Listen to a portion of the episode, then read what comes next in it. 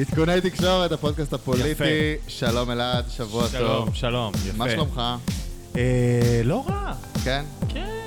אתה, יש לך אנרגיות? לא, לא, אנרגיות אין לי, אבל המצב רוח טוב. מצב רוח טוב. כן. אתה אומר, יש לזה קשר למנדט?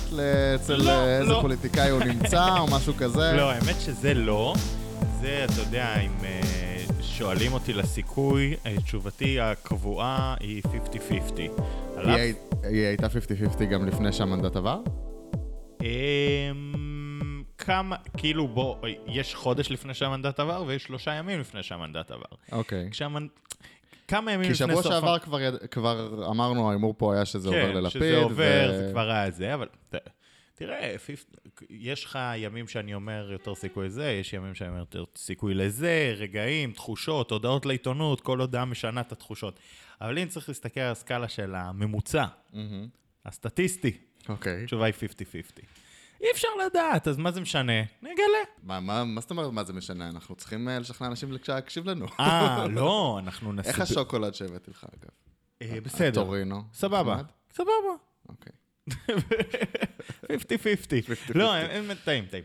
אבל אה, מה אני אומר? אנחנו נשכנע אנשים להקשיב לנו, בגלל שהם אולי אה, ישתכנעו בעמדות כאלה ואחרות, משהו יותר קרוב לפה, יותר קרוב לשם. נשבו בקונספציה מסוימת לגבי אה, מה שקרה השבוע, אה, או שמה שיקרה בקרוב. איזה קונספציה? לא יודע, באופן כללי. אה, אוקיי, אוקיי. אוקיי. לא, לי אין אה, זה. אני, תשמע, בסוף, אנחנו דיברנו על זה שנתניהו עובר מהתקפה להגנה. נכון. אם עד עכשיו המטרה שלו הייתה לשכנע את סמוטריץ' וללכת לרבנים של הציונות הדתית, ואז אולי להפעיל קצת לחץ מסוים על סער, וכאילו לנסות לייצר לעצמו איזושהי קואליציה ואיזה טריק עם נועם ברגע האחרון, ולעבוד שם, בחזית הזאת, עכשיו אין לו, המנדט לא אצלו. שמע, אתה בא ומדבר איתי על נת- על. נתניהו, שזה נחמד, אנחנו מדברים הרבה על נתניהו, אבל הוא כבר לא השחקן המרכזי לא, כרגע. אני- הוא שחקן מאוד מרכזי לא, כרגע. הוא לא השחקן שעכשיו הכדור בידיים שלו לצורך העניין. זה אתה לא- אומר הוא משחק הגנה, נכון? הוא משחק תראה, הגנה. מה זה הכדור? רק השבוע ראינו מהלך שלו עם אה, עמיחי שיקלי, שבלי המנדט, כן? אבל אוקיי.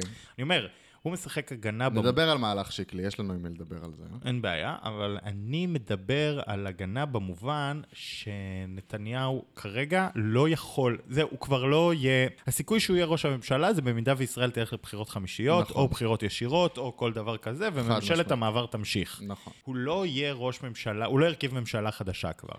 ולכן כרגע כל מהותו היא לסכל את ממשלת בנט, ולכן ראינו את זה שבוע, ואנחנו נמשיך לראות את זה, אה, פשוט אמירות נגד בנט, והמשא ומתן יוכרע, כן, ובגלל זה נתניהו הוא כן שחקן מאוד דומיננטי, ביכולת של בנט לעמוד בלחץ, כי בנט כבר הגיע להחלטה. עכשיו השאלה אם הוא יכול לעמוד בלחץ, ואם חברי ימין יכולים לעמוד בלחץ, הנה ראינו אחד שלא, שלא עמד, זאת אומרת, זה לא שהוא לא עמד בלחץ, פיתו, פיתו אותו בקלות, כן. אבל אפשר לדון על זה, ויש לי תיאוריות שונות ובשונות. אוקיי. אבל uh, בסופו של דבר זה, זה הסיפור כרגע. האומץ של בנט, יכולת המנהיגות שלו, להוביל את המהלך הזה, כי כל השותפות בפנים, אין, מסער ו- וכולי, אולי לפרט... כל השותפות מבפנים, גם אלה שרוצות להיות מבחוץ, כן, מעדיפות להיות אה, מבחוץ. עזוב, כולם, נגיע לזה. כולם, כולם על הספינה. להזיה הזאת, כן. אמ, אבל אה, מי שאולי, אגב, שותפה פוטנציאלית שאולי עכשיו עשויה להתערער זה רע"מ, לגבי כל מה שקורה בה עם, עם ירושלים וכולי, אולי תהיה לזה השפעה, אבל חוץ מזה, כל השותפות על הספינה הזאת, ולכן זה תלוי ב, איפשהו ביכולת של בנט לעמוד בלחץ של נתניהו, זה הסיפור. תראה, באופן כללי אני יותר אופטימי ממך לגבי האם הממשלה הזאת תושבע. כי אני חושב שחוץ מזה שהיא תושבע, אין ממנה הרבה ציפיות של אף אחד. זאת אומרת, הציפיות כל כך הונמכו. זאת אומרת, זה, זה גם, uh, המסרים של הימין נגד בנט גם מסייעים להורדת הציפיות כל כך, עד שאם כאילו בנט יצליח להכניס לקווי היסוד איזו שורה אחת ימנית, הוא יוכל כל כך לרכב על זה שכאילו, הנה, תראו איך הם השמיצו אותי, אבל אני עושה את זה ואת זה הוא ואת זה. יכניס הרבה יותר משורה אחת ימנית. בדיוק, הוא יכניס הרבה שורות ימניות. לכן הקמפיין הזה כאילו של הימין נגדו, רק מסייע להורדת הציפיות מהממשלה הזאת. עכשיו, השמאל בכלל אין לו ציפיות מהממשלה הזאת, לא צריך כאילו להתחיל לדבר על זה כבר, כי דיברנו על זה לפחות פעמיים כבר בחודש האחרון בפודקאסט. אז חוץ מזה שהציפייה, שהממשלה הזאת תקום, אף אחד לא מצפה ממנה שום דבר, וזאת תהיה גם ההצבעה הכי קלה שלה. אני לא בטוח. תראה, יש פה של...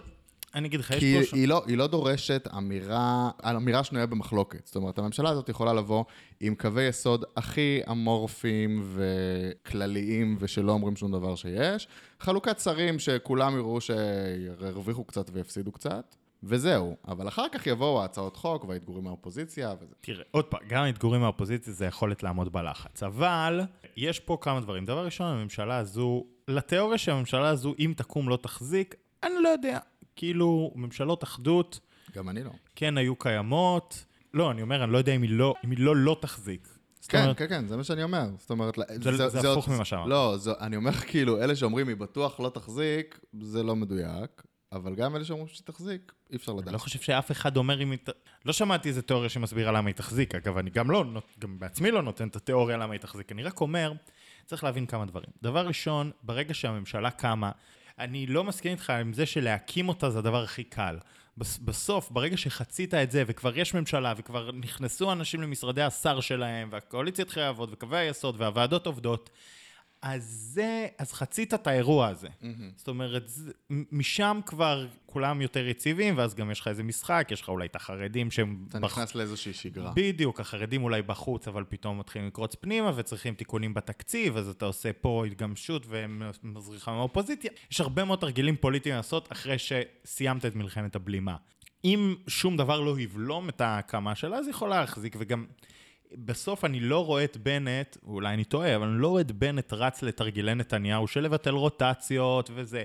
אומרת, ברור שאחד הדברים הראשונים שהממשלה הזאת תעשה זה להעביר תקציב, אה, ש...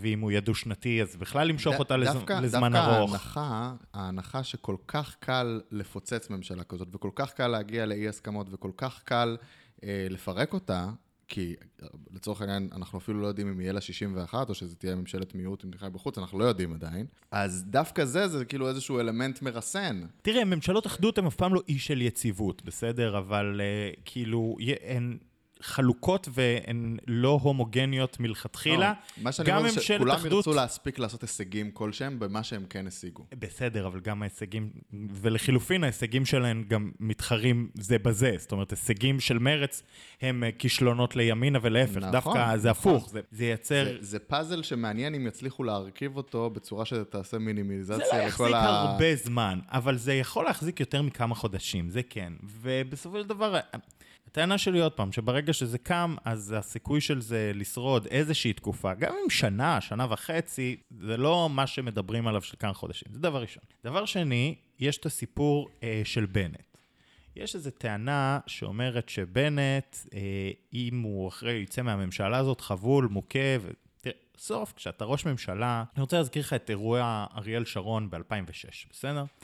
אר- אריאל שרון, ב... סליחה, כאילו ב-2006 כבר לא היה שרון, אבל בחירות 2006, ואריאל כן. שרון מקים את קדימה. מגיע מלב הליכוד הימני וזה, עושה באמת את ההתנתקות, אה, אה, שובר מרכזה, ואז מקים את מפלגת קדימה ומביא בסקרים למעלה מ-40 מנדטים. וה-40 מנדטים האלה לא מגיעים מהס... מ- רק מהשמאל, כן? הם מגיעים, ה- הליכוד בבחירות האלה, בלי שרון, שעוד שרון לא מסיים את הבחירות האלה, וזה מועמד אפור יחסית כמו אולמרט, הליכוד מסיים את הבחירות האלה עם 12 מנדטים.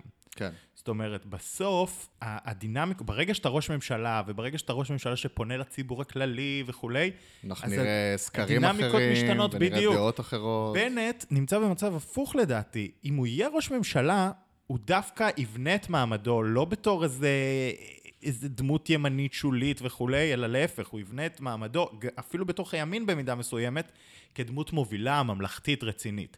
דווקא עכשיו, אם אחרי כל המהלך הזה הוא לא מצליח להקים ממשלה ויוצא לבחירות חמישיות, הוא הכי אה, כבול ומוכה וחבול. ולכן רוב הסיכויים שהוא יסכים להקים אותה בסוף. ולכן, אגב, בהמשך לשיחותינו המרכז-שמאל, דווקא המרכז-שמאל היום, יש לו את אלמנט זה ה... הזמן שלו להקשיח עמדות. בנט הכי לחיץ שהוא יכול להיות. זאת ברור. אומרת, עכשיו, תמיד, זה, זה משחק עדין בין הפחד שהוא יברח לבין הפחד שזה, אבל אין לו לאן אבל לברוח. זהו, אני הוא- טוען ש- יש לו לברוח רק לבחירות חמישיות. אני טוען שאין לו הרבה לאן לברוח.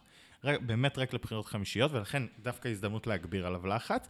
אבל אני כן מאמין שאם הוא יהיה ראש ממשלה, אז דווקא יש לו אזור הרבה יותר רחב להתפשט אליו בציבוריות הישראלית. זאת אומרת, בין המנהיגות של נתניהו את הימין למנהיגות של שרון, הוא יכול להיות שרון. זאת אומרת, לא לשבת, להתבצר בתוך ה base המאוד ימני עם בלוק הימין וכולי, אלא לעשות משהו גדול. הוא הוא יכול גם לא לעשות את זה, כן, אבל יש פה פוטנציאל, זה לא שהקריירה שלו גמורה, אלא להפך. כן. והדבר השלישי, זה סיפור השרים. תראה, בסוף, רפור... כמו שאתה אומר, הממשלה הזאת לא תעשה חקיקה יותר מדי, כן? היא לא תעשה שום חקיקה דרמטית, למרות... לא, תתעסק בחזרה לשגרה, מה שנקרא. כן, למרות רצונותיו המקסימים של ניצן הורוביץ, חוק הפונדקאות לא יעבור בקואליציה הנוכחית. הוא דיבר על זה? כן, בסדר, לא משנה, מדברים, כולם מדברים דברים, זה נפלא, הכל טוב, אבל הרפורמות האמיתיות יגיעו מהמשרדים. כן.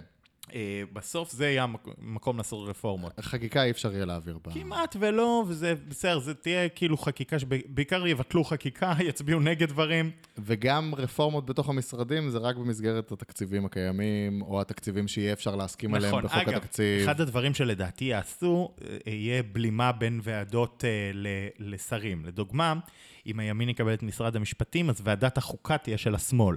כן, יש הרבה אה, בלימות שאפשר לעשות. אפשר גם. לעשות בלימה של משפטים למול ביטחון פנים. ועדיין, סוג של עדיין, תיאוריה. עדיין, הסיפור של ההשפעה על הממשלה הזו תהיה בתוך המשרדים. זאת אומרת, איפה, איפה השמאל או הימין או המרכז יוכלו להביא את תפוצות עולמם? במשרדים. ולכן מה שקורה היום, המשא ומתן הקואליציוני, שעכשיו אנחנו נגלוש אליו ונדבר אליו בחדווה. ובששון, זה הסיפור הגדול. אם יצלח המשא ומתן הקואליציוני וכולם יקבלו משרדים שמרגישים שיכולים להם להשפיע בהם, אז זה יחזיק. בדיוק. כי, כי שם יהיה הרפורמות, שם הם יעשו את העבודה שלהם, משם הם יעבדו, לא מהכנסת. אה, יפה, אז אה, עם מי אנחנו רוצים לדבר היום? יופי, אנחנו רוצים לדבר עם המון אנשים, השאלה מי הסכים לדבר איתם. מקליטה משהו לשידור, אז אה, כאילו תיכנסו בשקט, סבבה? בסדר, יאללה, תגידו סבבה. תשאיר, תשאיר את זה אבל.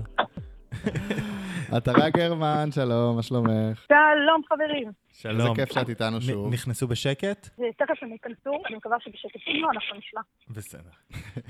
מה שלומך? בסדר, תקשיבו, זה הימים הכי מבאסים לכתב פוליטי, אני אגיד לכם את האמת. כי המנדט אצל השמאל?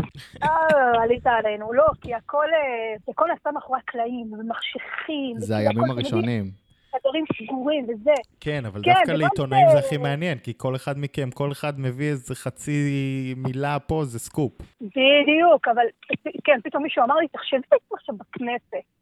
שבוע עד שיש לך איזה סקופ, איזה אייטם, זה, בוועדות, זה, רוצים להביא איזה הצעת חוק. טוב, כל חצי שעה אייטם. כן, התרגלנו לטוב הזה. של אה, בחירות והרכבות, שהאייטמים באים בקצב גבוה.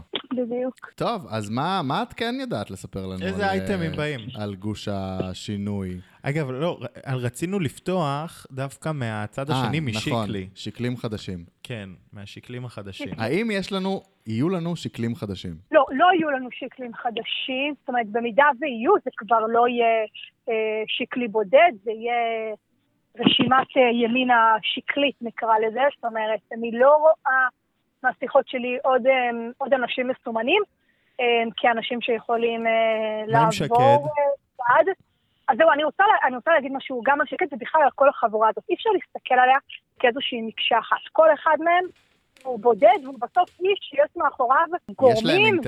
ובעל ועצה, ויש להם גם אינטרסים שונים, וגם בתוך ימינה, ימינה יש אנשים שהם של שקד, ויש אנשים שהם של נפתלי. זאת אומרת, בהקשר הזה, סילמן למשל, עידית סילמן היא של איילת שקד, לעומת זאת ניר אורבך הוא איש של אה, נפתלי בנט. יותר נכון של טל גנץ, ו- של, וש- ה- ושניהם אה. הספיקו להצהיר נאמנות מאז שיקלי. אה, גם סילמן וגם? אה, אגב, אורבך. אגב, גם אביר קארה. עם אקדח, וגם אביר קארה עם אקדח אה, מכוון אה, לרקה, צריך להגיד, זה לא שהיה פה מרצונם הטוב, פתאום כולם ביום אה, אה, חמישי אחר הצהריים החליטו שהם רוצים להביע נאמנות לנפתלי, כן, אלא ברור. זה ברור כי איילת הייתה הראשונה, ואחרי זה אה, כולם, וברגע שכבר שאלו איך יכול להיות שמתן כהנא, האיש, שנפתלי בנט לא הצהיר, אז גם הוא פרסם פוסט, והם צחקו על מכתבי הנאמנות לנתניהו. בבקשה. כן, זה בדיוק. הם היו חייבים להשיב איזושהי, אתם יודעים, איזושהי תגובה לכל כן. המתקפות מהליכוד. שימינה על סף פירוק. אז זהו, זה- אני רוצה... בוא- נתחיל אבל עם שיקלי, ואולי ת- ת- ת- תצליחי להסביר לנו מה הוא ניסה לעשות, מה האינטרס שלו לעשות את זה, והאם זה היה אמור להיות חלק ממהלך יותר רחב שקרס, או, זה, אני, או, אני או רוצה... אבל- באמת מהלך בודד של אדם אידיאולוג שלא יכול עוד... זהו, ו- אני, אני רוצה להגיד על זה שני דברים לפני שאת תגידי, ואז תרחיבי אותי, כי את יודעת יותר. אני, אה, קודם כל, אנחנו רואים, יש איזה ויכוח איפשהו בין הימין לשמאל, או. יש כזה? בין הגושים. לא מסכימים על הכל? לא הימין והשמאל, סליחה, בין הגושים הביביסטי והאנטי-ביבי. יש, יש איזה ויכוח האם אה, עמיחי שיקלי הוא אה, גיבור אידיאולוג שהלך עם הבטחת הבחירות שלו בכל הכוח, הוא לא יכול אה, לשאת את המהלך האנטי-דמוקרטי ואידיאולוגי של בנט והיה חייב לעמוד בזה. מצד אחד טענה בגוש כאילו של ביבי, ומהצד השני גוש השינוי שאומר שבסוף, אגב ראינו אותו אומר על המכתב, ואז יש שהוציא מכתב, לא אומר שהוא נגד, ואז בסוף הוא כן אמר שהוא נגד. זה. היה פה איזה דיון. עכשיו, צריך להגיד את האמת, בסוף ההחלטה, קודם כל בנט טוען שהוא שמע על המכתב בתקשורת.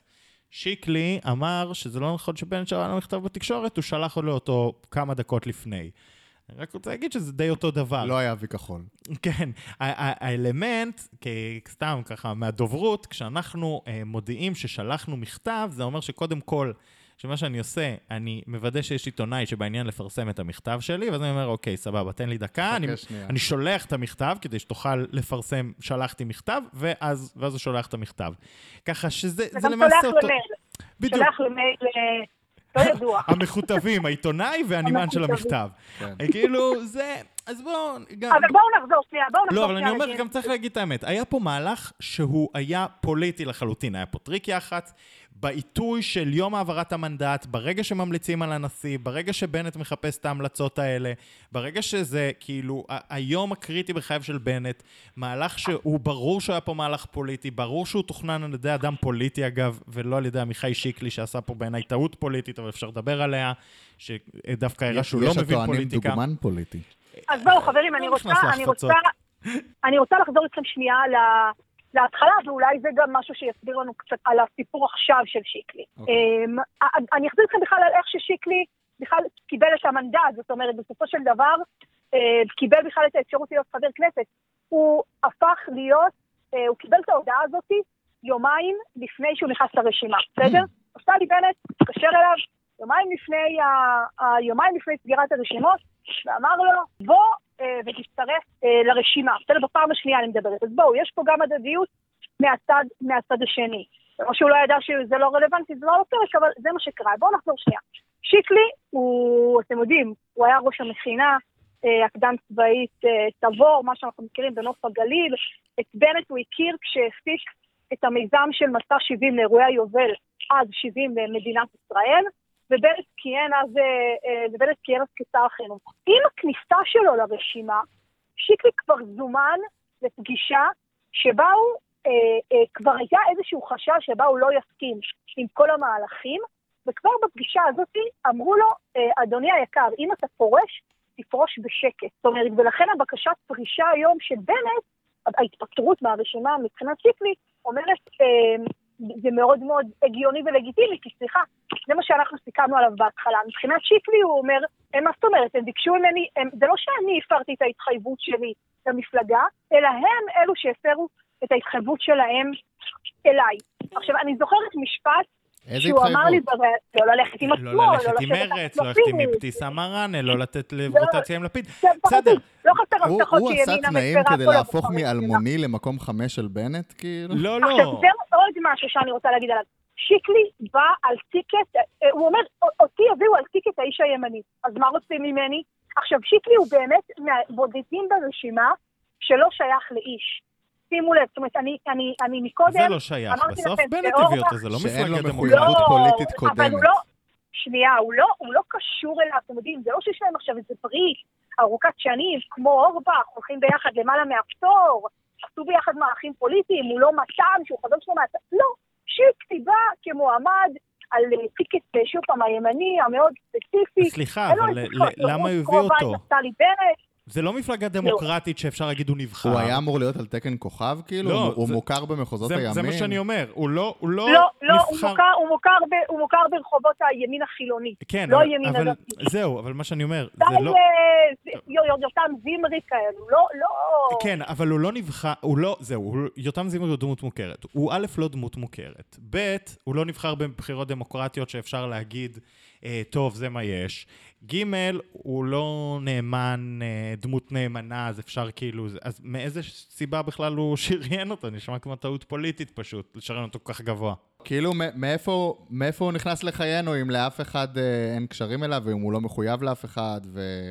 זאת אומרת, איך הוא הגיע כל כך גבוה לרשימה? תקשיבו, ברור שהיו לו מניירות פוליטיות, והוא גישש, ועבד על זה כדי להיות חבר כנסת. כן, אנשים לא נהיים חברי כנסת. לא, בסדר, אבל עדיין, טעות פוליטית של בנט, כנראה לשים אותנו. זה נכון, אבל, אה, אבל אין לו את אותה ברית שיש למתן כהנא, בסדר? לכן זו טעות פוליטית. בסוף, בסוף עמיחי שיקלי הוא בן 38, בסדר? היה ראש מכינה, לא איזה דמות מה... לא איזה דמות מהמרחבים הפוליטיים, וגם לא דמות ש... אתם יודעים, היא מאבדת פה איזה משהו. זאת אומרת, הוא יסיים אולי תפקידו כחבר כנסת, ואולי הוא יקים תנועה, מפלגה חדשה, אבל הוא לא יכול, אבל זהו. אולי הוא יסתובב בליכוד. אבל זה, זה בדיוק הסיפור של הטעות הפוליטית ששיקלי עשה פה, שנייה עם בנט בצד, בעיניי, כן? כי ברגע שעמיחי שיקלי יוכרז כמורד, אם יוכרז כמורד, ואם אכן תקום קואליציה, אוטומטית יוכרז כמורד. ואז הוא יכול אולי להקים מפלגה חדשה, אבל אסור לה להתאחד עם אף מפלגה קיימת ברגע שהוא מוכרז כמורד. כלומר, נכון. על פי החוק הוא לא יוכל להתאחד עם הליכוד, הוא לא יוכל לחזור לימינה, הוא לא יוכל, שום מפלגה קיימת. נכון, אבל אם הליכוד ירצו שהוא, לצורך העניין, שהוא יעבור וירגישו איזשהו... יהיה להם איזושהי מחויבות כלפיו, אז, אז, גם, אז הם גם... כן, אבל עמיחי שיקלי במפלגה עצמאית יעבור את אחוז החסימה? לא, חד משמעית, עמיחי שיקלי לא כוכב, הוא לא איזה דמות שעכשיו אה, טורפת את הקלפים. אבל אנחנו לא מדברים על מציאות שבה עמיחי שיקלי מתמודד לבד. אז יש פה, אז זאת אומרת, אז הוא מבחינתו, עם הצד הנמהר שלו להכריז... עכשיו, ברור למה הליכוד רצה, כבר גם דיברתי על העיתוי, ברור למה לליכוד היה חשוב העיתוי הזה של יום המנדט. ברור מה נתניהו הציע לו ערים וגבעות ושריונים ועניינים וזה, וכמו שהוא הציע לאורלי לוי, והכל טוב ונפלא, אבל בסוף שיקלי הלך פה לבד, למהלך שיכול להיות שלא יצליח, ואז אם הוא מוצא את עצמו סיעת יחיד באופוזיציה שהיא מורדת ולא יכולה אחרי זה להתחבר לאף סיעה, זאת אומרת, מה היה כל כך, מה הוא כל כך מיהר? ולכן אני גם אומר, אם זו הייתה איזו החלטה אידיאולוגית יוצאת דופן, היה יכול לתת את זה יומיים לפני שמקימים את הממשלה, שמסיימים את המשא ומתן הקואליציוני, ואז להגיד, לא, הממשלה הזו לא מתאימה לי, נתתם להם יותר מדי דבר. זאת אומרת, זה סתם. אתה חושב שהתזמון, היה... אתה חושב שהתזמון אולי זה טעות של אה, מישהו בסביבת נתניהו? לא, אני חושב שמבחינת נתניהו התזמון היה ברור, הוא מתחיל לאט לאט לפורר את זה, הוא ניסה לייצר דומינו, גם העיתוי של החלפת המנדט. אה, זאת אומרת, אבל... התזמון היה טוב לגוש נתניהו, אבל לא לשיקלי. בדיוק, אני רק טוען שמבחינת שיקלי זה רק מראה שלא הוא תכנן את המהלך הזה, אלא עשו עליו איזושהי מניפולציה, כי לא, המהלך הזה הוא לא טוב לו. את יודעת לא, על אה, מי יזם את המהלך הזה? אז לא, הוא חתום על המהלך הזה, הוא שלם איתו והוא שמח. אני בטוחה... חתום, כן. שבצד, שבצד השני, יודעים לנצל את זה טוב מאוד, טוב מאוד, בצורכיהם הפוליטיים ולהשפעותיהם, ופתאום עמיחי שיקלי הוא איזה גיבור האומה וגיבור הימין. עד לפני יומיים הוא היה עוכר ישראל ושמאלן, בסדר? כן. אז בוא, וכנ"ל אותו דבר בנט ושקד, זאת אומרת, בנט ושקד היום הם שמאלנים גדולים, אם הם לא יצליחו להקים את, הקמת ממשלת האחדות, לא תהיה, אגב, לא, לא בטוח שבאשמתם. זה, בוא, זה בואו חזרו הביתה. ביתכם הוא בימין, ותחזרו הביתה, ופה הבית שלכם, כן, אנחנו מכירים את הדברים האלה. מה, מה לדע... איפה בנט נמצא לדעתך היום? א', עד כמה יש לו אומץ ללכת עם המהלך הזה כבר עד הסוף? זאת אומרת, מה יכול להכש... האם הקמפיין של הליכוד יכול להכשיל אותו, לעצור אותו, להפחיד אותו? ו...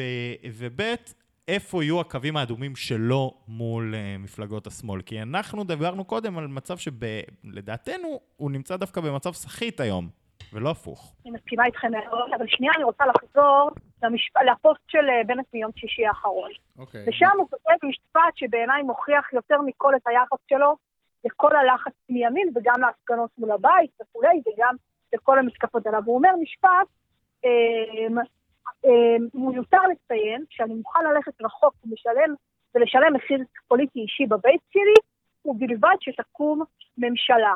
זאת אומרת, אני חושבת שאחד הדברים הכי חשובים לפוליטיקאי זה התומכים שלו, זה המצביעים שלו. עזבו את רבני הציונות הדתית, עזבו את ההפגנות מול הבית, עזבו את ראש הממשלה, עזבו את הרב דרוקמן. אני חושבת שהדבר הכי חשוב לפוליטיקאי זה האם הוא בפעם הבאה יעבור את אחוז החסימה או לא יעבור את אחוז החסימה.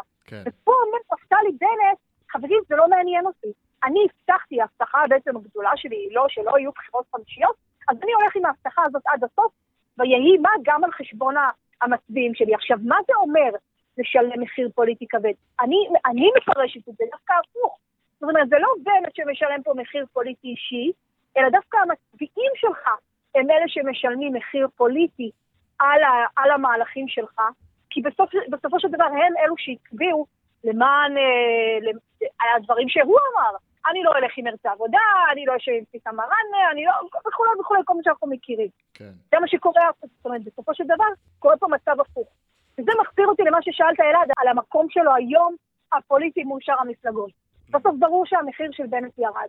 אפילו לא שאלה בכלל. היום יש הרבה יותר יכולת למרב מיכאלי לדרוש בצדק תיק יותר, אה, כמובן אי אפשר להשוות את זה לזה שיש פה ראש ממשלה עם שבעה מנדטים, אבל זה לא רלוונטי. אגב, אה, צריך גם שנייה להגיד את המובן מאליו, זה כבר, אם שיקלי אכן בחוץ, זה כבר שישה. זה, זה כבר שישה. זאת אומרת, הוא בגודל של כן, מרץ. כן, אני, ראיתי, ו... אני, ראיתי, אני ראיתי שכותבים את זה, בסוף חברים בואו, זה לא, זה, זה, זה מנדט שלו, זה מנדט של ימינה, הוא לא... נכון. כן, אבל הוא לא מביא אותו לשולחן. הוא לא מביא אותו לא בסוף להצבעה על הקמת, אם הוא לא מביא אותו להצבעה על הקמת הממשלה, אז זה לא. נכון, בסוגריים אגב, הוא גם אמר אתמול אה, ששיקלי, אה, שהוא עוד לא החליט מה הוא יצביע בכנסת על הקמת הממשלה הזאת, וגם צריך להגיד ש... אני אגב, היה לי הימור שאני רוצה לתת אותו פה. שבסוף הוא עוד יצביע בעד. אז זהו, אז בימינה, למה לא מכריזים עליו כפורש? מחר בבוקר יום שני מתכנסת הישיבה המסדרת, למה לא מכריזים עליו כפורש? הם לא רוצים, רוצים עדיין לשכנע אותו להצביע. לפחות להימנע אם לא להצביע בעד. לא, לא, אני, אגב, אני, יש לי איזה הימור, שאני אמרתי, אני נותן אותו פה, זה הימור שאינו מבצץ על כלום, שבסוף עמיחי שיקלי, אם תקום ממשלה ובנט יביא הרכב ויהיה הצבעה, יצביע בעדה. מעניין. כי עוד פעם, אין לו שום סיבה ללכת לאופוזיציה כסיעת יחיד, זה הרי טרלול. כן. תראי, לגבי מה שאמרת, אבל כאילו, אה, מי משלם את המחיר הפוליטי של בנט, אני חושב שבסופו של דבר זה, לא, זה לא באמת מחיר פוליטי. בנט כבר הרבה זמן מנסה לעשות איזשהו shift מסוים ב base שלו. זאת אומרת, לעבור מ base שהוא אה, נטו אה, ימין אידיאולוגי דתי, לימין... מיו"ר אה, הבית היהודי לימין שזה... לימין כן. מתון, אה, אה, מועמד לראשות ממשלה מהימין, לא יודע, המתון, הרך, איך שלא תקראו לזה. ובלהיות אה, הגורם ש, שמאחד ולא לוקח לבחירות חמישיות, כנראה שהוא חושב שזה אה, משריין לו את הבייס הבא, אם הוא באמת יצליח להיכנס למשרד ראש הממשלה ולא, והדבר הזה לא יקרוס בסוף. אני רק רוצה להגיד שזה בעיניי אה, הרבה יותר חמור, אז אם אתה מסביר את זה ככה, זה בעיניי הרבה יותר חמור. זאת אומרת, זה, זה אומר שבנט ממש עבד על המצביעים שלו מלכתחילה, לא בדיעבד. זאת אומרת, אם אתה רוצה להיות ראש ממשלה, ואתה יודע שראש ממשלה, ראשות ממשלה, עוברת דרך שיתוף פעולה עם מפלגות מרכז-שמאל, אז למה אמרת שלא תשב איתם? למה הצהרת שאתה לא מוכן... שכיסה מראנה תהיה בקואליציה שלך. אני חייב להגיד לך משהו על... אין שום בעיה שתהיה בקואליציה שלך, אז רק אל תבטיח נגד. תראי, נושא הבטחות הבחירות, היה על זה השבוע דיון ער בטוויטר בין השאר וכולי. זה התחיל מזה ש... אה, הרי אנחנו מכירים את כל הטענות אה, נגד ההליכה הזו של בנט, שהיא כמובן הפרה של הבטחת הבחירות, וזה נכון, זה אכן הפרה של חלק מהבטחות הבחירות. ואז גם הגיע אה, ידידנו בפודקאסט, עמית סגל, וצייץ שכולם תוקפים את שיקלי כי הוא בסך כי קרה אסון והוא נאמן להבטחת הבחירות שלו. ולכן תוקפים אותו, ואז תקפו את עמית בחזרה וכולי. עכשיו, צריך להגיד שהאמת היא... שכולם צודקים וכולם טועים ביחד. כי מה קורה? הפוליטיקאים מפזרים לנו בזמן בחירות הבטחות שהן סותרות את אחת, אחת את השנייה במהותן. הן סותרות מראש. מראש. זאת אומרת, כשבנט אומר שהוא לא בכיס של נתניהו, אבל הוא פוסל את מרץ, והוא פוסל את אבתיסאם מראנה, והוא לא יישב תחת לפיד ברוטציה, אבל הוא לא בכיס של נתניהו, וחוץ מזה, הוא מתחייב למנוע בחירות חמישיות, והצבעה לא זה ערובה כדי למנוע בחירות חמישיות. כשהוא מבטיח את כל אלה ביחד, הוא חייב, להפ... הוא מלכתחילה חייב להפר הבטחות. ואגב, אותו דבר שר, שאומר, מי שרוצה את, את uh, נתניהו כראש ממשלה שלא יצביע לי, מתחייב לא לשבת איתו בשום סיכוי, בשום מצב. מהצד השני אומר, אני בחיים לא אה, אה, אשב תחת לפיד. גם זה אמירה מופרכת.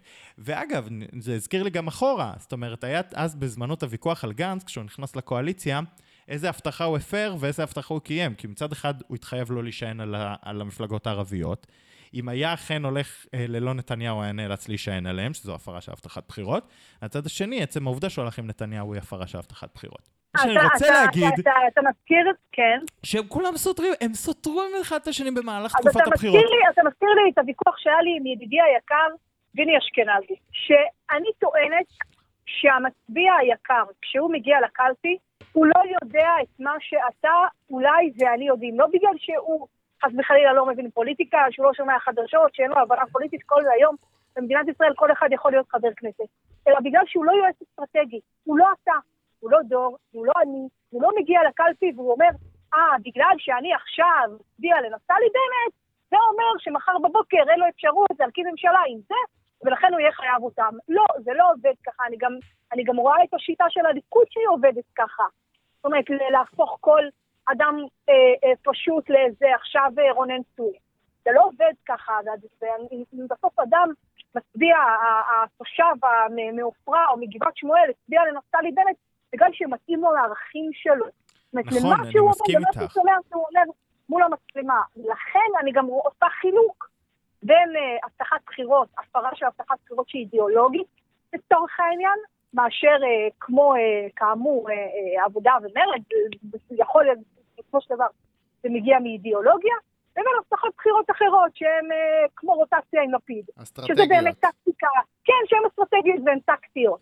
זה, זה, זה, יש פה חלוקה בעיניי מאוד משמעותית, אני חושבת שגם המצביע את זה כן יודע לעשות. אלעד כבר הרבה זמן חושב שיש over אסטרטגיזציה של ה- ברור, של הפוליטיקה. ה- לא, גם אה, צריך את זה, הכל, מצביע נהיה אסטרטג פתאום, לא, וזה דבר שהוא לא המפלגות, בריא גם בפני המפלגות עצמו. מנסות למכור לנו הצבעות אסטרטגיות. נכון, הן מסבירות לנו שאם נצביע ככה, זה יהיה ככה, ו- ועושות לנו קורס במדעי המדינה אופן- בזמן הבחירות. אבל מה שאני רוצה להגיד בנושא הזה של הבטחות בחירות והפרתן, זה שני דברים. דבר ראשון, בחזית התקשורתית. בתוך הוויכוח של תקשורת מגוונת, הטענה שלי היא שבסופו של דבר בשביל זה יש תקשורת מגוונת.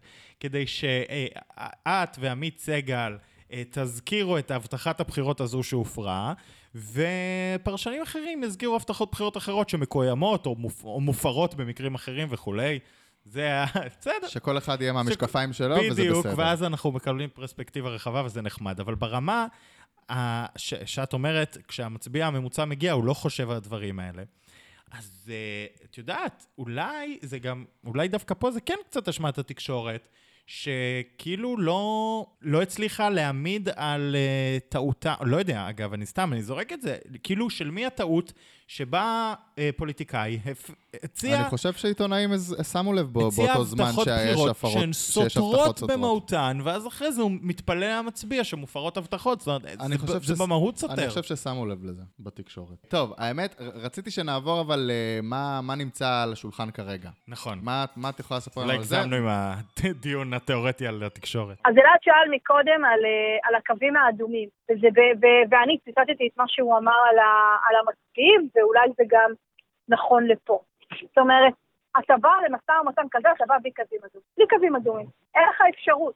אתה תציב קו אדום, הצד השני יציב לך עוד עשר. לא בגלל שעכשיו נפתלי בנט יגיד, אני עכשיו מכיר בגיור רפורמי, ואני זה, לא משנה. זה, זה לא, לא על הדברים האלו. אלא, אני מחליט מה כן, אני לא מחליט מה לא.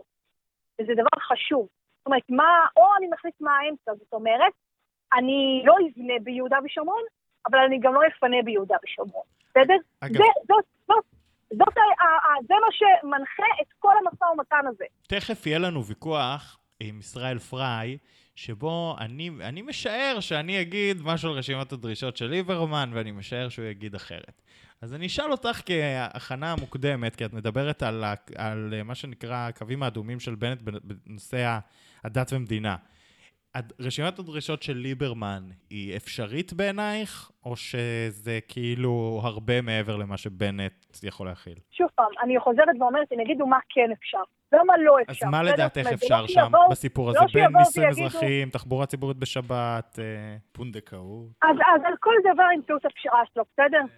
פונדקאות, על פונדקאות, לא, לא, לא יודעת, אבל אני מדברת על, על האם למשל תחבורה ציבורית בשבת, הם, אי אפשר, נכון? הם לא יכולים להסכים לדבר הזה. מה הם כן יכולים להסכים?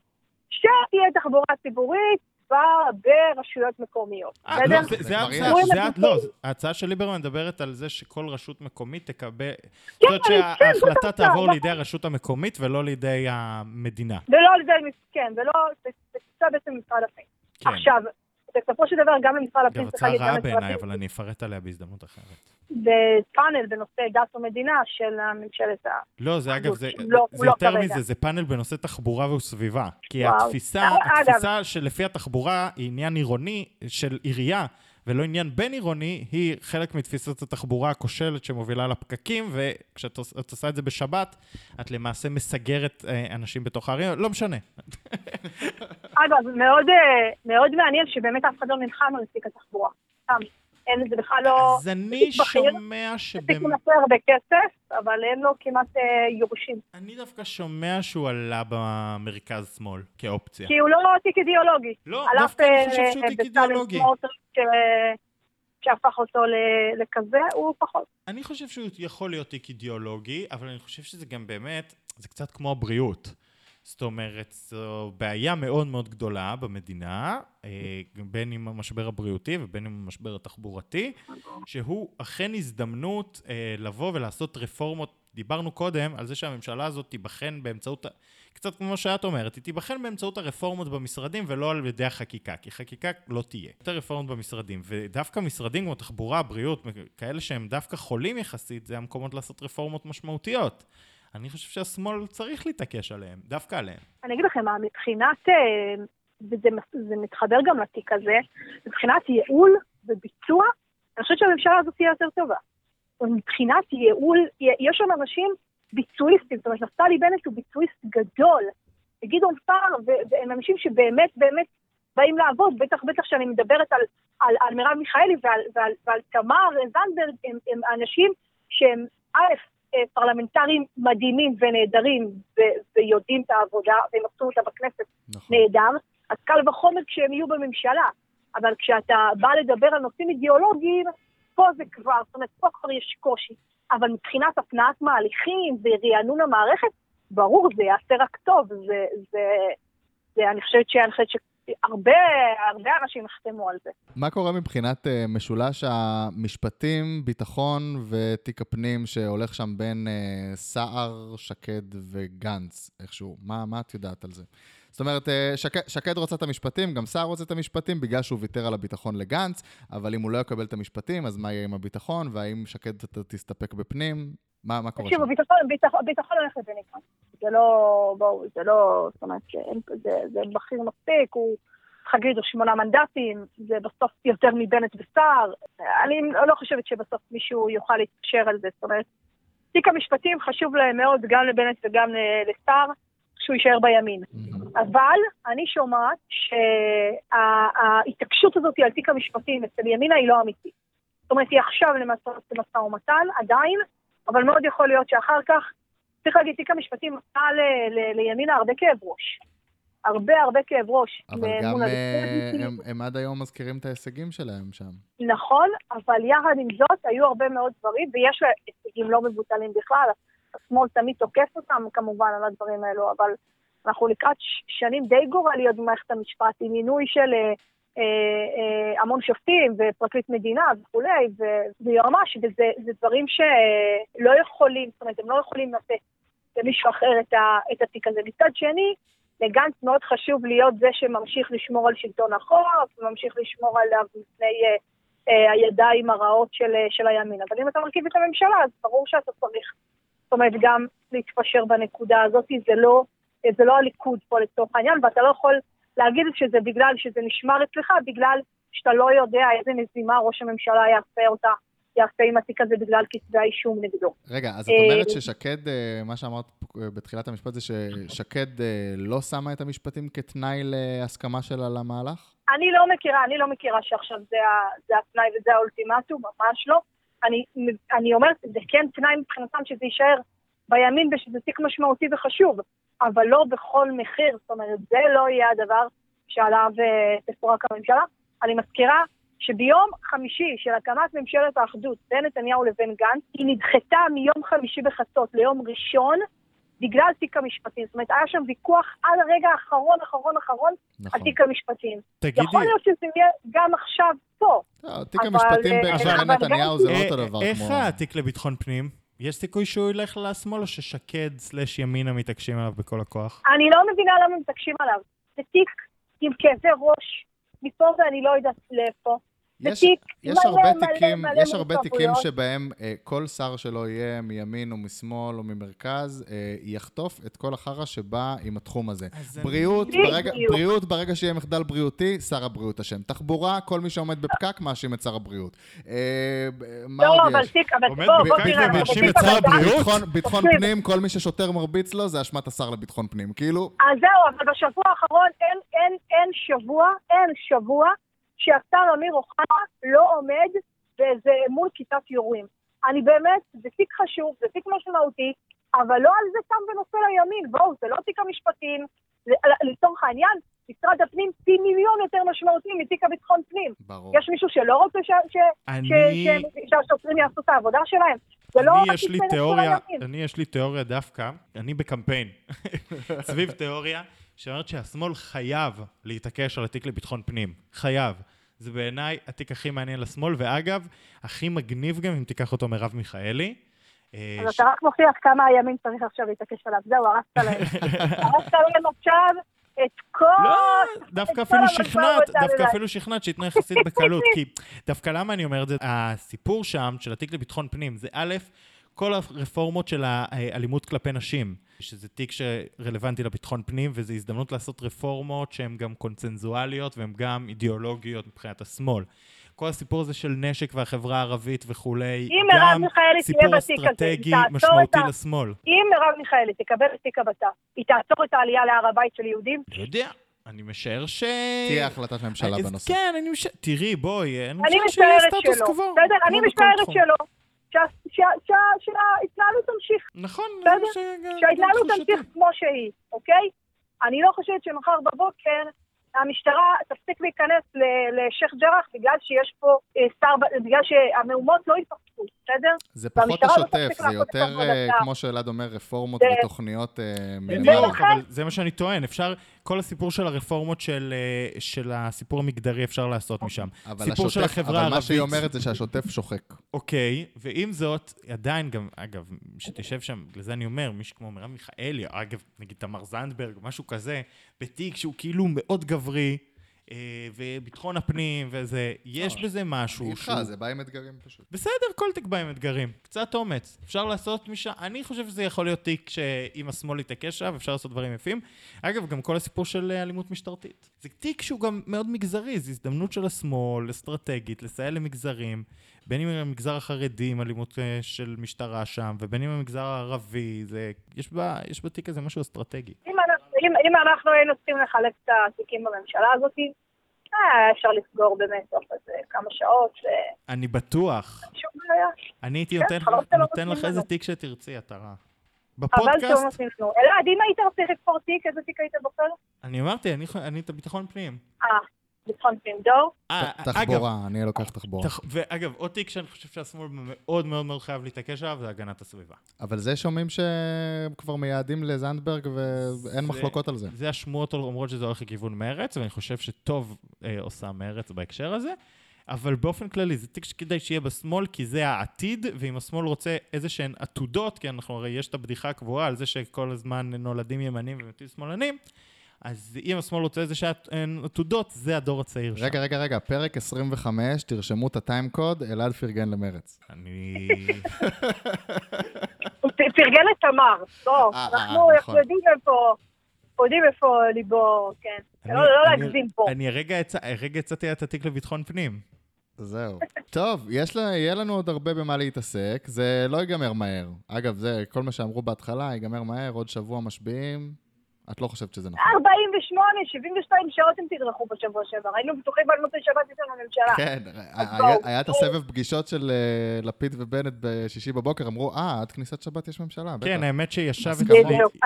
כתב פוליטי ביום אה, חמישי בערב, אני לא אנקוב בשמו. מעניין מי זה. לא מעניין מי זה. לא אנקוב בשמו, אבל... אגב, ישבו- שלושה. כן, אנחנו יודעים. אה, זה- עוקביי באינסטגרם. היה session כלבים. כן, כן, זהו, בדיוק. זה שייך ל story. זה כמו בזה, אתם רוצים עוד ידיעות? כנסו ל story. אז כן. ב story שלי אפשר לראות מי הם היו. אבל אחד מהם אמר, קורה משהו הלילה, קורה משהו הלילה. כל המקורות שלי אומרים שקורה משהו הלילה, וזה, תפעיל, תתחילו לא להפעיל. מקורות. תתחילו להפעיל מקורות, תלחיץ פה את כל האירוע. אגב, צדק, יום למחרת באמת היו דברים וזה, אבל כבר היה ממש תחושה שזה, כן, יוצאים מהשבת עם אה, ממשלה. ייקח לזה עוד זמן, אם זה לא יקרה סוף שבוע, תסיים 28 יהיה לנו, יהיה לנו. הזדמנויות לא לדבר. ש- תודה רבה, כן, עטרה. חוזרים. תודה חברים, שבוע. טוב. ביי ביי. ביי. ביי כפרות. ועכשיו מצטרף אלינו ישראל פריי, דמוקרט TV, שלום, שלום, מה שלומך? ואחד שלום. מעשרת האנשים המשפיעים בטוויטר. אחד מעשרת האנשים המשפיעים בטוויטר? לא בטוויטר סיפרת ישראל. לנו? האמת שזכיתי להופיע בהרבה במות, אבל כל פעם יש לי כזה... מי כן מוציא את. הדירוג הזה? איך זה, ש... איך זה שאני לא מופיע בפודקאסט שלכם, אז אני ממש שמח. אה, שאלו. אותך את זה כבר? אני שואל את עצמי, בחשבון נפש שלי, אה, אה, איך, כן. איך, איך רגע, עדיין לא זכית רגע, להיות זה? איזה מקום אתה בעשרת המשפיעים? אה, לא משהו כזה אינטנסיבית, הזה? מחודש נו, אני- לחודש. היית איזה מקום שביעי לדעתי. מקום טוב, כן, אני ממש כן. אה, שמח אגב, על זה בהחלט. גם ידידתנו ליאת ורצייזר הייתה לדעתי מקום בעשירייה השנייה. אה, מה אתה אומר? כן, כן. טוב, אנשים מאוד מוצלחים, אגב, אנשים זה- מאוד זה מוצלחים לפודקאסט הזה, אין ספק.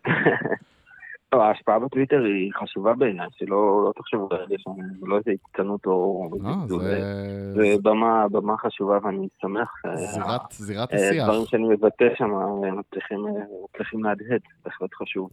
טוב, אז בוא תהדהד איתנו עכשיו אה, על המשא ומתן, כן. על המשא ומתן לממשלת השינוי. איך, אגב, אתה מעדיף לקרוא לה? ממשלת השינוי, ממשלת האחדות, ממשל- ממשלת החירום, ממשלת אה, חירום השינוי, ממשלת השמאל. ממשלת השמאל. תראו, כל ההגדרה של זה היא בעצם אה, איזושהי אה, פוזיציה פוליטית, נכון. אה, ולמרות שהדעות שלי הן אה, די, די מוכרות, אבל עדיין אה, כשאני רואה, אפרופו סוף השבוע, אה, כל מיני עיתונאים שממש ככה כאילו לוקחים חלק פעיל ודוחקים וכאלה, זה דבר שהוא הוא לא ממש... אה, דוחקים תקין למה? דוחקים כאילו לממשלה. כן, כן, אתה יודע, כל אחד יכול כמובן לקדם את הרעיונות שלו, זה הדבר הכי נכון, בטח היום עיתונאים אני לא חושב אבל איזשהם, שאנחנו רואים אה, את זה תמיד, גם כשהמנדט... אה. גם כשהמנדט היה ב- בצד השני, היו כל מיני הצעות שבאו גם מכיוון העיתונאים. לא, אתה... זהו, שה- שהדרישה מהסטנדרט העיתונאי שמצפים מריקלין ושותפיו הוא אה, לא ממש גבוה לעומת מה ש- מה שמצופה מעיתונאים אחרים. לא משנה, כך או אחרת, אה, כמובן שבוא נגיד, להגדיר את כממשלת שמאל זו, אה, זה הכי מגמתי ו- ו- ו- ולא נכון. אה, נראה לי מה שיותר קרוב לאמת זו ממשלת אחדות. תראו, אם קראו לממשלה של, על הממשלה היוצאת, קראו לה ממשלת אחדות, שזה נתניהו, גנץ, העבודה, חרדים, אז אני חושב שלפי אותה, או לפי אותה אמת מידה, זה מה שאנחנו, אה, מה שעכשיו עמלים עליו במשא ומתן, זה די קרוב ל... אגב, כן, האמת שאני חושב שכל הסיפור הזה של אה, מי יותר מאחד ומי יותר מפ- מ- מ- מפלג, זה כאילו, זה מחוץ לעניין כל- בעצם, אנחנו, זה סתם מסך עשן, אנחנו בסדר. מדברים עכשיו על, תיק- כאילו, מדברים עכשיו על תיקים, זה המחלוקת העיקרית, אה, מדברים אולי על... אה, אה, לא, על- ההגדרה על- של על, אה, ממשלת עיצוב- אחדות עיצוב לא- התודעה לקראת אה, אם יהיו בחירות חמישיות, זה מה שקורה כרגע. כן, לא, ממשלת אחדות זה לא עניין של מי יותר מאחד ומי יותר מפלג, זו הגדרה של כמה, של כמה היא מכילה. אזכיר לכם שבסוף בסוף ממשלה היא לא איזושהי אה, במה לקירוב לבבות, מי שרוצה לעשות את כל העניינים האלה מוזמן בחברה האזרחית לעשות. ממשלה זה כלי ביצוע, נכון? אה, ובו, ושמה במובן מסוים, אה, לא צריכה להיות שאיפה לאחדות אה, רעיונית בוא- ולשם בוא- פיוט. צריכים, בוא. צריכים לרצות שזה יכיל כמה שיותר אנשים שישתקפו ב- בסדר, אבל שנייה, במערכת בוא... השלטון. בסוף, בוא שנייה גם נזכור מה זה, מה זה ממשלת אחדות. ממשלת אחדות, אגב, גנץ וכו' הייתה יותר ממשלת אחדות, אני לא יודע מה תהיה הממשלה הזו בסוף, כן, אבל הייתה ממשלת אחדות מעצם היותה פריטטית אה, בתוך הממשלה. זאת אומרת, אמנם הקואליציה, זה, לא הייתה זה, זה, אחדות. זה מה שצפוי גם פה. אבל זהו, זה אותו קונספט, זה מה שאני הפוך, זה תכף- מכיל לו קצוות הרבה אה, יותר... אה, אה, זהו, לא, תכף אני אשאל אותך אם זה מה שצפוי, זה- אם זה אכן מה שצפוי פה גם, אבל אבל באופן כללי זה המהות של אחדות, ולרוב, אגב, המהות של אחדות זה שבאות שתי המפלגות הגדולות, זאת אומרת, זה מה שהיה, בואו בוא נזכור מה זה ממשלת אחדות, שבאה העבודה של פעם והליכוד של פעם, ועשו ממשלה ביחד, כן. שבה נכון. כאילו המפלגות הקטנות והבינוניות מהקצוות מצאו עצמן באופוזיציה, והן היו ממשלת האחדות המרכזית. זה לא המצב פה, אנחנו רואים פה מצב קצת שונה, שבה ימינה ומרץ עושות כאילו, אתה מבין? זה לא ממשלת אחדות אה, שאנחנו רגילים אליה, זה, זה יצור שונה מתוך הקונסטלציה הפוליטית. אה, אבל מה שאני רוצה לשאול אותך, אחרי ההרצאה, זה בנושא הפריטטיות, כאילו, איך, איך, מה אתה שומע נגיד מכיוון השמאל, אם באמת יקבלו פריטטיות? אה, האמת שלא עודכנתי ב, אתה יודע, שבת וכאלה, ומאז שאנחנו מציעים אותה, זה שצריך להתאושש ככה ולהבין מה קורה בירושלים. אה, אני לא חושב שכרגע זה נתון, שזה פתוח לדיון. כלומר, הפריטטיות זו הנחת אה, מוצא של כולם. בהתחלה היה את הקונץ שבנט שניסה לעשות פריטטי פלוס, במסגרת תדרוכי. מותר בפודקאסט פחות פורמלי להגיד החזירות של, אה, של אה, ראשית הדרך, שהוא חשב שהכל הכל בשליטתו. זה כמובן, אה, זה כמובן ירד, אבל כן יהיה מנגנון פריטטי, לא, אבל אחרת השאלה מה, מה, מה כולל הפריטטיות, כי אם... כן, הפר- מה המנגנון? זאת אומרת, אם... פריטטיות זה, זה, זה, למעשה הם מי אמורים באיזה על צד? אותו... לא, רגע, הפריטטיות זה משהו שהוא כבר נבנה, הקונסטלציה החוקית הזו קיימת, הם פשוט לא, אבל השאלה מי נמצא באיזה צד של הפריטטיות. לא, אה, לא, לא, לא לנתי בעומקה של סוגיה, ועל פניו זה... אבל אני, הטענה שלי זה שאם ליברמן הוא חלק מהשמאל בממשלה הפריטטית, אז היא לא באמת פריטטית, אתה מבין? שאלה טובה, שאלה טובה, אני מקווה ש... אני לא שומע, לא שומע שהיא נמצאת בכלל על השולחן, אז כנראה שזה הנושא שפחות, אה, שפחות אה, מטריד כרגע את האנשים. אה, אותנו זה מטריד, אנחנו אנשים מוטרדים. אנחנו גם אוהבים לחשוב קדימה. לא, אבל גם מה ש... נגיד מה שאמרת על בנט, זו נקודה טובה. כי אתה אומר, בנט בהתחלה יחסית התחזר, רצה עוד ורצה ככה ופריטטי פלוס. לא, ו- זה זה היה בלתי נסבל, כל. מהדורה נפתחה עכשיו- עם עוד דרישה שלו, זה כן, פשוט היה ועכשיו גבולת. פתחנו ואמרנו ב- בפודקאסט פה, שעכשיו בנט נמצא במצב הפוך. שהוא קצת סחיט. כי הוא לא יכול ללכת לבחירות, הוא יכול הוא ללכת סתם, לבחירות חמישיות, אבל זאת תהיה לו אה, בעיה. זה סתם איזה ג'נטלמניות של יאיר לפיד שהחליט להשאיר את כל, את מלוא התנאים שהוא, אה, שהוא נתן לבנט כשהסיטואציה הייתה שונה, והוא משאיר אותה, על פניו הרי הכל יכול להשתנות. זהו, אה, אבל נשאלת אה, השאלה בתוך השמאל, כזה. האם באמת הכל יכול להסתובב, האם השמאל, מרכז, בוא נגיד מיש עתיד עד מרץ והעבודה, מבינים שבנט נמצא היום בסיטואציה אחרת והם מקשיחים תנאים, או, או שלא? אני חושב שכולם, לתחושתי, כולם מנסים מצד אחד, אה, אה, בוא נגיד, לרתום את הסיטואציה לטובתם, בכך שהם אה, יציגו אה, את זה שהמצב אכן השתנה, ושצריך לשנות את התנאים, אבל עדיין כולם נמצאים בתוך אותה אה, תודעה ובתוך אותה אה, הבנה ש, שכן יצטרכו להתכנס וש, שאי אפשר להרחיב את הקונצים האלה ליותר מדי. אז כן, כן יהיה פה ניס- ניסיון לשפר עמדות, וסביר להניח שבימים הקרובים גם אה, לכל האנשים ככה, אתה יודע, שחוטפים התקף לב מכל איזה דיווח או משהו, סביר להניח שיהיה פה עוד כל מיני דיווחים על התפרקויות ועל דרמות, אה, זה, זה מטבע הדברים. אגב, לא היה משא ומתן קואליציוני שלא היה דבר כזה, כלומר הציפייה ש... בגלל, בגלל שצריכים להקים ממשלה אוטוטו ולהוציא את ביבי מבלפור, אז לא נשמע חלילה שום דרישה של אף אחד מהצדדים, זה קצת, קצת ציפייה לא ריאלית, לא, ברור אבל, אה, אבל, אה, אבל היה בסוף, סבב בסוף שיחות מכובד, היה. סבב שיחות מכובד ביום אה, שישי. אה, כן, מה- אבל מה לא- אתם- מה לא, אתם יודעים על מה שמוצע שם?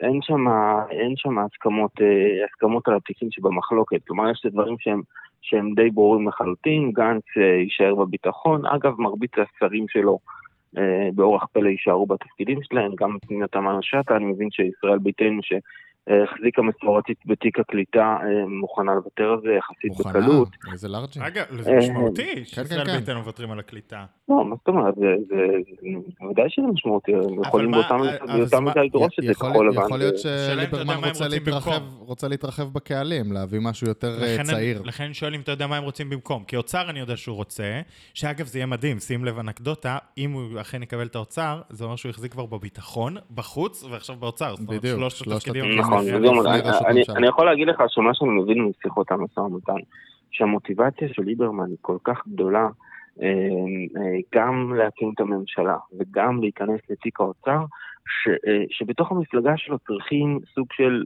לדפוק לו על, ה, על הגב, או סוג של להזכיר לו, לבקש ממנו שאולי באמת שווה לנסות לקחת עוד כמה תיקים, כלומר זה נמצא ברמה ש... מבחינתו אוצר וביבי הביתה. שהוא מבחינתו, כן, ואגב, הלוואי ששאר המפלגות אה, היו, היו באותה רמה. כלומר, זה פחות, אה, פחות עכשיו בוער לו לתפור את תיק התשתיות לעודד פורר, זה, זה, זה, זה, לא, זה לא באמת איך שאנחנו מכירים את המבנה של ישראל ביתנו, אפשר להבין שזה לא... ליברמן הוא היחיד שהוא לא באיזושהי דילמה של אה, האם אני בוגד במצביעים שלי בזה שאני נכנס לממשלה הזאת. כאילו... לא, אבל נכון, יש. אז הוא לא צריך את ההישגים האלה להוכיח, הוא לא צריך את ההישגים האלה להוכיח. לא, הוא גם לא מחויב לחברי המפלגה שלו, אין שם איזה דמוקרטיה יוצאת דופן, אבל... בדיוק. אבל השאלה היא, ברמת ה... ראינו השבוע שהוא פרסם איזו רשימת דרישות שהיא, סליחה, אבל היא מופרכת, זאת אומרת, אין... אה, לא, היא לא, היא בכלל לא רשימת אה, דרישות מופרכת בממשלה כזו. אתה חושב שלרשימת הדרישות הזו יש איזשהו סיכוי אה, להתקבל? זאת אומרת שבנט וסער יקבלו את הדרישה לנישואים אזרחיים? יש שם דרישה של נישואים אזרחיים, יש שם דרישה של של לימודי uh, ליבה, יש שם, מה עוד יש שם ברשימת הדרישות? בואו נרענן את הזיכרון. תחבורה ציבורית בשבת. המצע החילוני של, של מפלגות מרץ עבודה, יש עתיד, וגנץ וליבה. לא, לא, אין, למיטב זיכרוני אין שם דברים מדי מופרכים, כלומר... נישואים אזרחיים, תחבורה ציבורית בשבת. רגע, שנייה, זה נשמע לנו מופרך. לאחר כל כך הרבה שנות ממשלת השמרנים, כן, הליכוד והחרדים, אבל, אבל תחשבו שנייה, לו הממשלה הזאת תוקם, זו ממשלה שהיא מאוד מאוד מאוד מאוד, כל הבסיס וגם כל הקצוות שלה הם, הם, הם, הם, הם של הציבור הליברלי, ויש... ויש לה סיכוי מאוד טוב, ככל שהיא באמת, הרגעה הזו תנוע, אה, יש לו סיכוי בהחלט לקדם דברים אבל... פורצי דרך יחסית. תשמע, ב- בסוף, ב- ב- גם יש טווח ארוך. בסוף אה, בנט וסער רוצים לשמור את האופציות של החרדים קרוב, הם לא רוצים לגמור, מה שנקרא לגמור יאיר לפיד, שהם שיש וטו עליהם וכולי, שלא נדבר על זה שבנט בסוף מחזיק איזשהו בייס אה, ציונות דתית די משמעותי. לא, לא אבל, שהם לא, אבל בנט. בנט, מחז, בנט מחזיק בעמדות דתיות מאוד מאוד ליברליות, אוקיי? פירוק שלטון הרבנות מבחינתו זה משהו שהוא על הכיף כיפאק. רבני צוהר וכל נכון, זה זורם לו לחלוטין. זה המקום אגב שבו יכול לעשות, אמ, המקומות שבהם יכול לא להתפשר עם ליברמן, זה כן, הרבנות ולהחליף את הרבנות האורתודוקסית ברבנות צוהר. היו פה ממשלות מופרכות של ש"ס ושולמית אלוני, אני מזכיר לכם, כן, זה לא, אנחנו, שוב פעם, כל התודעה שלנו נכנסה לאיזה משהו של השנים האחרונות. נכון, אבל הממשלות האלה לא עשו נישואים אזרחיים בסוף. אוקיי, אז אני אומר, יש דברים שהתנגשו, אבל יחסית טווח ההתנגשות פה הוא לא מאוד גדול, זה לא שאתה מושיב פה את, את, את, את ליצמן עם, אה, עם, אה, עם, עם אה, תמר זנדברג. סך הכל, כל הטווח של הממשלה הזו הוא די קרוב, אז אתה אומר, אוקיי, יהיה חשש לגדעון סער. כן, בוא. בסדר. לא, אבל בכל הקשור, ל... לא, אבל בכל הקשור ליחסי דת ומדינה, עכשיו שאנחנו מדברים על שזה שם רוב הדרישות של ליברמן, זה לא מופרך שהדברים האלה, שהדברים האלה יקודמו, שוב, ככל שהממשלה הזאת תצליח, תצליח באמת כן, לעבוד. כן, אבל אני לא חושב שזה יקרה, ב, לפחות לא בצד הרוטציה של אה, בנט, זאת אומרת, הוא לא יכול שזה יהיה על השם שלו, עם הרצונות שלו להיות מנהיג אה, כלל הימין. עכשיו... שוב, את, יש את... לנו איזשהו קושי לראות דברים, אתה יודע, אנחנו כולנו חיים את החוויה של הרגע. אני מסכים איתך לגמרי. ברמת התודעה קשה לנו לראות דברים, קשה בכלל לדמיין, מישהו מאיתנו בהחלט יכול לדמיין שניצן הורוביץ יהיה פתאום שר בישראל, שמפלגת העבודה, זה דברים שקשה לנו לדמיין, אבל ברמת, אם אנחנו חושבים לוגית, אה, הגיונית, זה דברים שלא מוכרחים. יש לי שאלה, רגע, אבל אתה כן. אומר, ליברמן רוצה רק אוצר ולהעיף את ביבי ותו לא, והוא מוכן... כן, הוא לקח איזה תיק קטן, כן, לא, בסדר, לא- ברור, אבל אני שואל, האם רשימת הדרישות הזו, יש לנו ויכוח האם רשימת הדרישות הזו היא ישימה או לא? אני חושב שהיא לא, אני חושב שהיא כן בסדר. נניח ובנט אה, ושות' אה, אומרים שמבחינתם זה לא ישים, האם ליברמן מפרק על זה משא ומתן? אני לא חושב. זהו, ממה שאמרת בהתחלה נשמע שלא. אה, לא, לא, הקווי יסוד לפי מיטב הבנתי ההגדלה הולכים להיות מאוד מינימליסטי. אגב, כל, כל הממשלות האחרונות, כל הסיפור בכלל שמצא שקווי יסוד הם מאוד צומצם לדפים מאוד, מאוד קצרים. והמטרה שזה, שהעסק יעבוד, והדברים לא ייפלו בקווי יסוד. כלומר, לא, לא נגיע למצב במשא ומתן ששם יהיה הקרב האם אה, תחבורה ציבורית בשבת כן או לא, ושם זה ייפול לא. אם זה ייפול, זה ייפול ש... במהלך עבודת הממשלה. אני חושב שצריך אה, אה, לשים איזושהי הבהרה מאוד חשובה בכלל כשמדברים על משאים ומתנים אה, קואליציוניים ועל הרכבת ממשלות. קו אדום שאתה לא מוכן להפיל ממשלה בשבילו, הוא לא קו אדום, הוא אמירה, אמירה שמופרכת לאוויר, יופי, זה, אתה טוען שזה העמדה שלך, זה נחמד מאוד. אם אתה לא מוכן לפרק משהו בשביל זה, זה לא קו אדום ואפשר לדרוס את זה. אה, הבחנה מעולה. כן. הבחנה מעולה. אה, אז אה, זה לגבי ליברמן. שוב, אני מזכיר לכם, זה גם נכון, שוב, זה... זה גם נכון מאוד לגבי הרבה מאוד דרישות של השמאל. אני שומע כל מיני דברים. זאת אומרת, שמענו לפני כמה ימים לא, שה... שהתיקים, לא שמענו על שהתיקים שמציעים להם... שמענו על קווי יסוד ש... שהשמאל דורש, לא יודע מה, להגדיר עכשיו את הרשות הפלסטינית כמה, לא, לא שמענו איזה דברים גדולים, לפחות לא... לא, אני לא חושב שמישהו יבקש קווי יסוד, אני חושב שאגב, ממשלת שינוי, שזאת תהיה ממשלת סטטוס קוו, ולא ממשלת שינוי. כן, זה, אה, זה מובן, זה, זה הקווי יסוד שהכי קל אה, להסכים עליהם, שלא לא, לא לשנות שום דבר חוץ מדברים שחייבים. אה, שוב, הפרוצדורות, הרבה דברים יכולים להיראות או לא, ואני כן מזכיר לכם שבאוריינטציה הזו, הממשלה הזו היא באמת מייצגת, או עשויה לייצג את, את מרכז הקובץ על הציבור הליברלי בישראל, אוקיי? זה, זה שוב, יהיו ויכוחים לפה, יהיו לשם, יש דברים שאנחנו לא יודעים בדיוק איך לסגור את הפינות האלה, אבל בסוף זו האוריינטציה של הממשלה הזו, היא, ואם אנחנו מדברים על דת ומדינה, שאגב, אלה הדברים היותר משמעותיים כיום בשיח הציבורי, אמנם הערב קצת מתלהטות הרוחות בירושלים, וייתכן שלא יודע, בערוב ימיו של אבו מאזן השיח הביטחוני-מדיני יחזור, אבל בגדול, אה, לפחות בשנים האחרונות, מה שעומד במרכז השיח זה, אה, זה דת ומדינה. שם הממשלה הזו, היא, היא, הייתי אומר, כמעט הומוגנית, כמעט. טוב. אוקיי. אז איזה דיל אתה מציע לשמאל לקחת? בוא נשאל ככה, האם אתה בעמדת אלדד יניב של תיכנסו בכל מחיר ולא משנה מה, או בעמדת, ה... איפה אתה על הסקאלה בין עמדת אלדד יניב לבין עמדת, אה, העמדה שאומרת, רגע, מי אמר לכם בכלל שאני רוצה את הממשלה הזו? אולי אני רוצה ממשלת ליכוד חרדים. לא. אה, אנחנו לא שואלים את דעתך אישית, אנחנו שואלים את דעתך הפרשנית. כן, כן. איפה אתה נמצא, איפה, מה התפיסה הפרשנית שלך לגבי הנושא?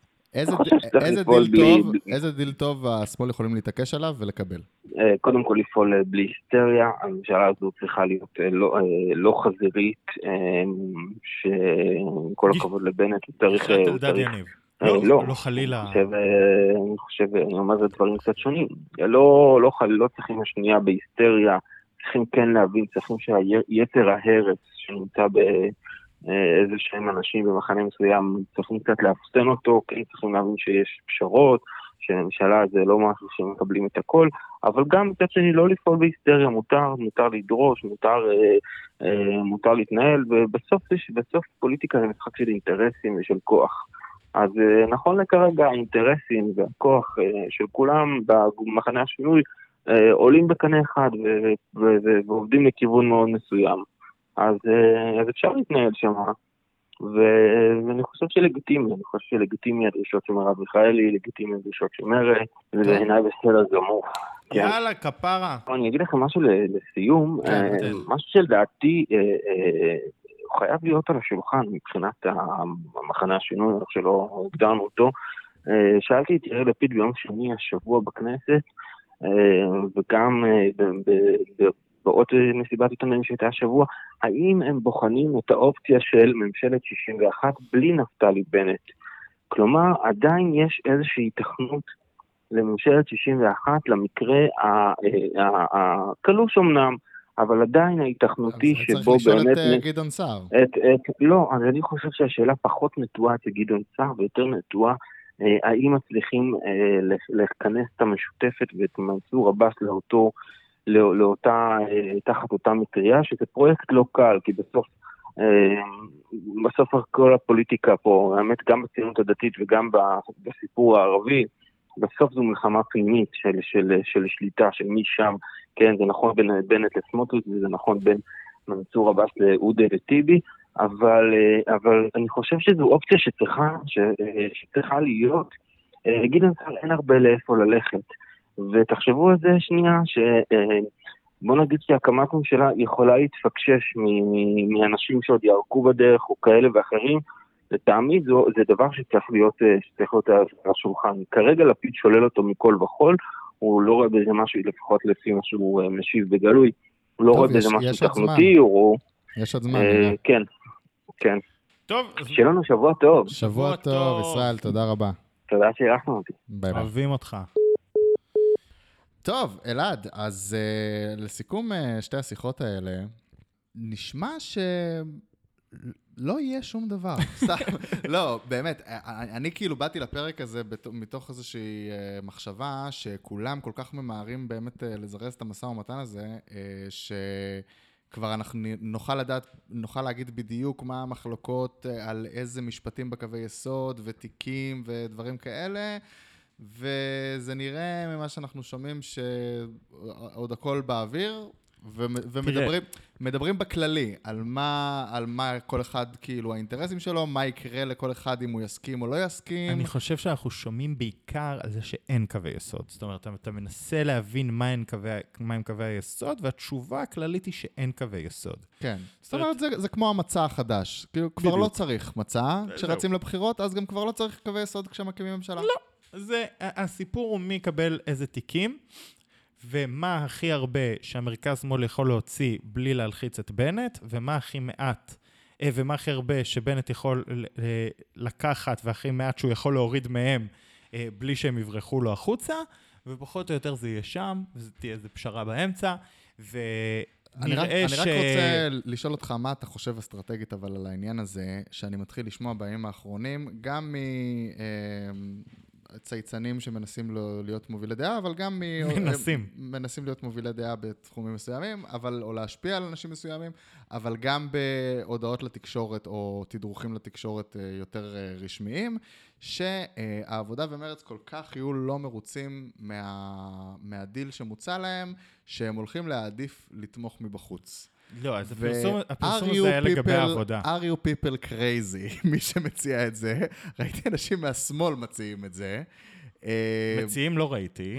אולי כשכולם יתמכו מבחוץ, זאת אומרת, זה יהיה פתרון הרבה יותר קל. כל, כל המפלגות יתמכו מבחוץ, בנט ולפיד יהיו הממשלה עם שרים מקצועיים חיצוניים. איך אני? דיל טוב? אז- כולם תומכים מבחוץ. אז יש, יש מי שיהיו עכשיו אומרים לקחת את הדיל הזה.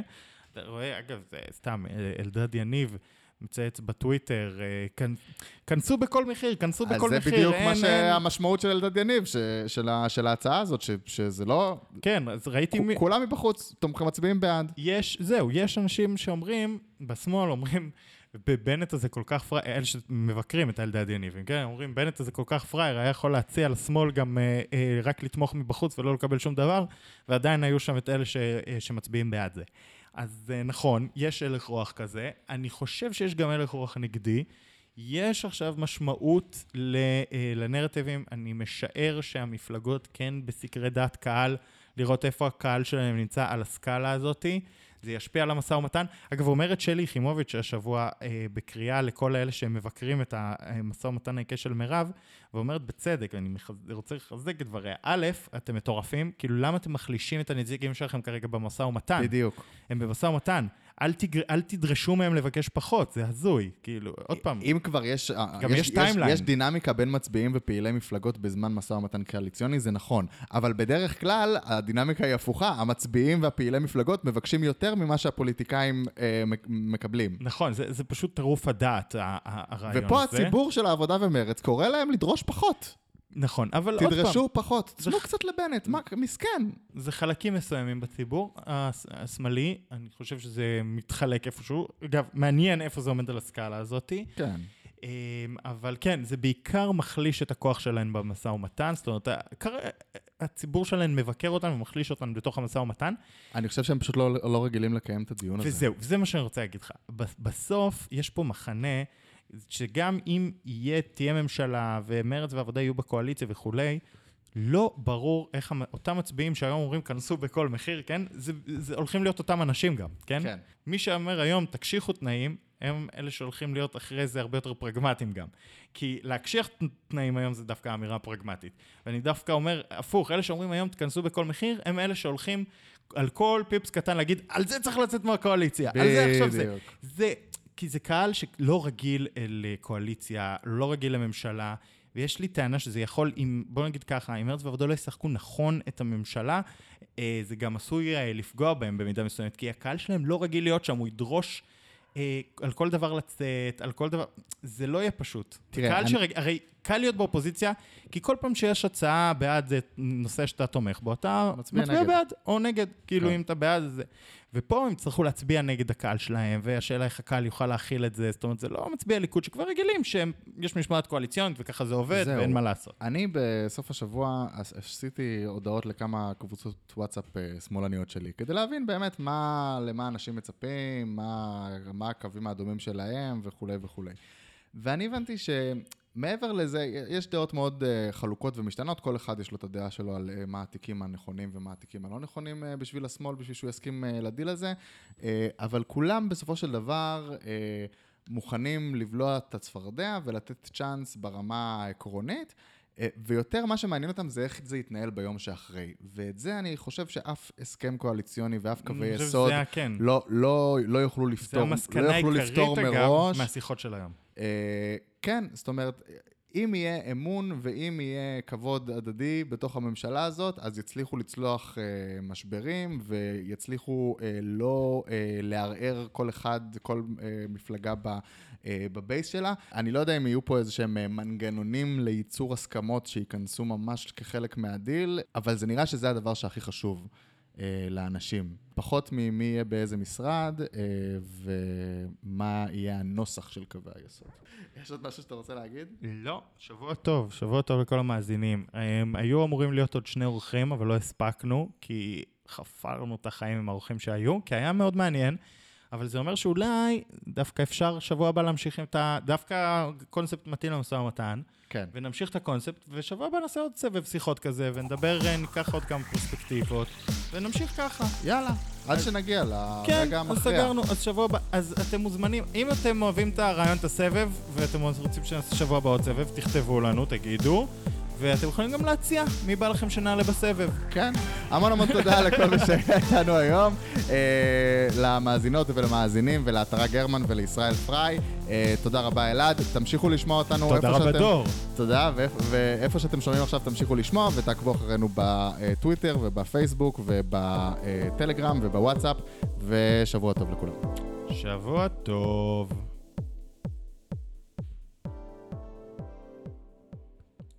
to Hamlet.